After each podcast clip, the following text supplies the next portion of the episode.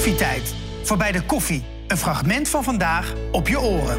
Ja, veel van de meldingen over oplichting en fraude komen bij, uh, bij jullie binnen of, of bij de politie. Om wat voor meldingen gaat het dan, uh, Marloes? Geef eens wat voorbeelden. Nou, diverse meldingen. Hè. Het zijn uh, mensen die iets bestellen op een website en die krijgen dan niets geleverd.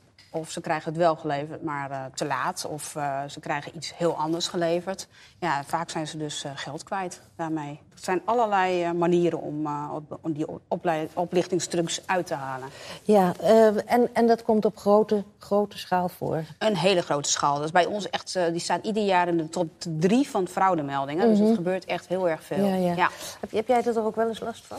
Nou, ik koop niet zo heel vaak online, moet ik eerlijk zeggen. Maar ik heb het, als ik het doe, gaat het wel vaak mis. Ja, niet als ik het gewoon bij de, de grote bekende nee, nee. webshops doe. Maar ik heb wel eens bij zo'n heel vaag ding. Het, voor een kerstbal, toen kreeg ik een heel klein plastic ding.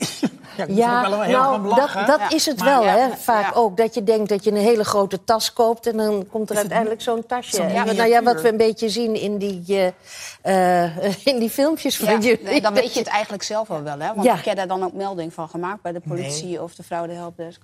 Nee. nee, ik vond het zo grappig dat ik denk, ja, dit is ook een beetje eigen schuld, dikke bult. Ze voelden ja. het een beetje bij mij. Ja, dat heb je al gauw. Dat ja. klopt wel, ja. ja. Gerberich uh, uh, en, en, en, en het ACM, uh, Autoriteit Consument en Markt, ja. zeg ik nog maar weer een keertje. jullie houden toezicht hè, op, op winkels, webshops, bedrijven. Hoe?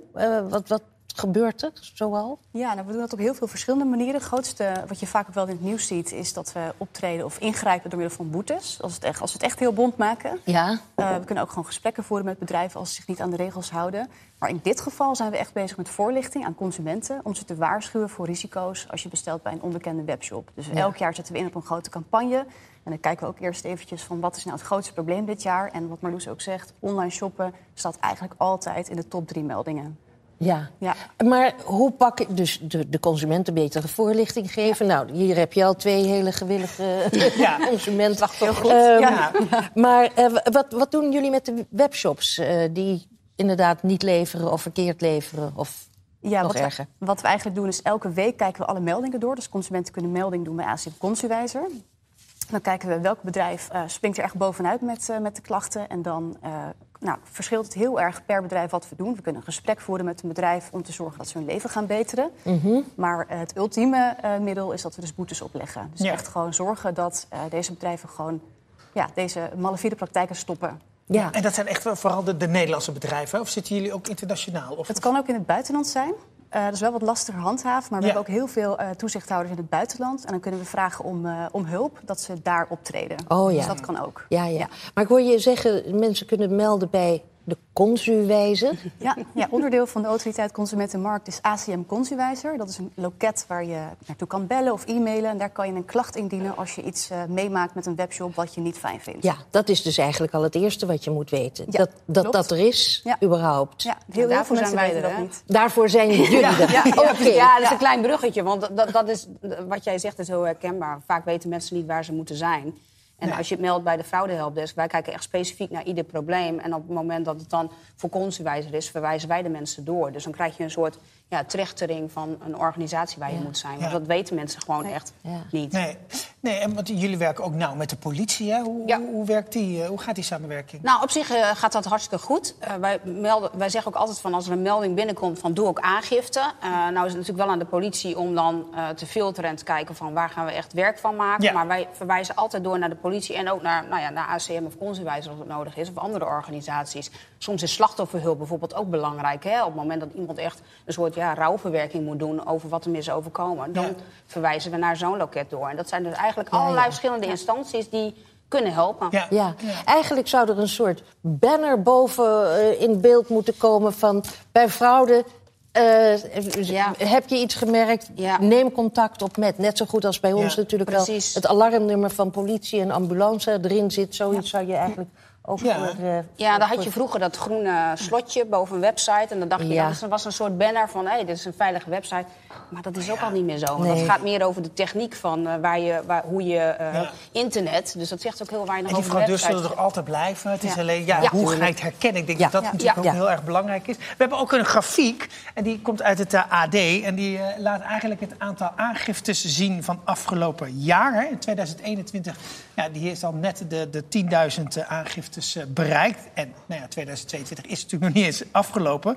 Wat verwachten jullie van... Of nee, 2021, dat is de flinke piek. 22 uh, is nog niet afgelopen. Wat verwachten jullie van die, uh, van die stijging? Ziet er toch goed uit. Het is bijna de helft nu. Ja, maar het is nog de decembermaand komt nog. Hè? Dus we krijgen nog uh, de cadeautjes voor Sinterklaas, de cadeautjes voor kerst. Dus ja. het is bij ons altijd wel een maand dat het nog, nog even gaat, flink gaat ja, stijgen. Bij ons ook oh. absoluut. Het gaat nog zeker stijgen in december. En het is altijd top 3 meldingen. Dat zal door de komende maanden nog wel opgeplust worden. Maar als ik dan zo naar 2018 kijk, wat niet eens zo heel lang geleden is... Nou, dat vind ik echt een heel groot verschil. Ja. Zo'n 2021. wij zagen de piek in coronatijd toen opeens allerlei mensen toch online gingen bestellen. Dus ook uh, ja, onze ouders bijvoorbeeld, die nooit, on, althans mijn moeder zat nooit echt online. Ja, toen moest ze eigenlijk wel. Ja, En waar moet je nou op letten? Hè? Wat, wat moet je doen? Ja, dan wordt er ook echt ingespeeld op een crisis. Hè? Uh, webshops met mondkapjes, nu bijvoorbeeld webshops met haardhout. En dat wordt dan volgens niet geleverd. Dus echt gewoon inspelen op de actualiteit. Uh-huh. En daarom is in corona ook zo'n piek geweest. Maar misschien is dit ook wel heel gunstig. We, we leggen het nu erg uit eh, uit in de zin van... god, kijk eens wat het is toegenomen. Maar misschien is de weg naar de fraude helpdesk en naar ACM nu ook meer bekend. En dat mensen inderdaad steeds meer weten... Uh, we, kunnen er wat mee. In 2018 was misschien nog, stond nog helemaal Eens, in. Dat zal er ook zeker mee te maken hebben. Ja. Ja. Um, nou heeft het ACM uh, onderzoek gedaan...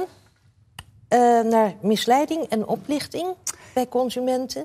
Maar wat is daaruit gekomen? Wat hebben jullie ontdekt? We hebben een uh, consumentenonderzoek uit laten voeren door een uh, extern bureau, Motivaction, om te kijken van wat zijn nou precies de problemen rondom online shoppen. En daar kwam uit dat uh, bijna 60% van de consumenten wel eens bestelt bij een onbekende webshop. En dat het merendeel daarvan eigenlijk niet checkt of deze betrouwbaar zijn. Maar hoe check je dat, heel eerlijk? ja, Geen goede, idee. Goede vraag. Nou, daar gaat deze campagne dus ook over. De nummer één tip die wij hebben is check de reviews van zo'n webshop. Dus Google uh, de URL van de webshop. Ja. Um, en dan het, met het woord review. En dan krijg je allerlei externe websites die laten zien uh, ja, of er door iemand voor jou al een uh, review is achtergelaten. Mm -hmm. En daar kan je heel snel uitfilteren of er een probleem is met een webwinkel. Ja, want als je uh, gewoon de reviews even leest, is het vaak wel heel positief.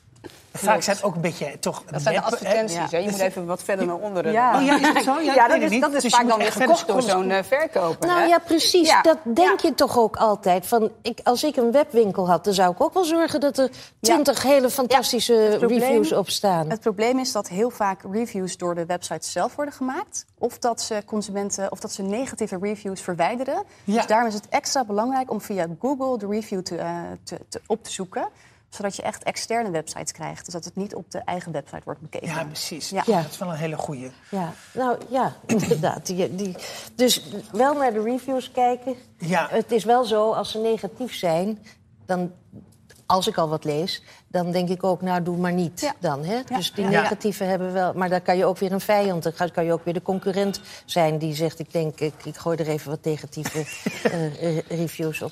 Het blijft ondoorzichtig, vind ik toch. Dus misschien even nog een klein... Je kan meer doen. Wat ja, precies. Ik ja, het zeggen, een kleine samenvatting. We hebben op de website zelf kan je wat onderzoek doen. Dus op het moment dat er een keurmerk staat... kun je ook kijken van, is dat een echt keurmerk? Is dat een bestaand keurmerk?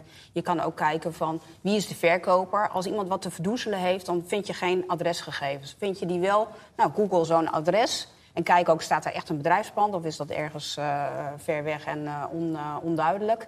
Dus je kan echt best wel veel doen om... Kijk, en dat, dat is denk ik ook wel het lastige, hè? want je kan heel veel huiswerk doen. Maar als jij die mooie laarzen ziet voor 80 euro, dan vergeet je dat misschien even. Ja. Ja. Eigenlijk moet je dan even op de rem trappen en denk ik, ga toch even goed ja. kijken dat, dat blijkt voordat ik op betalen druk.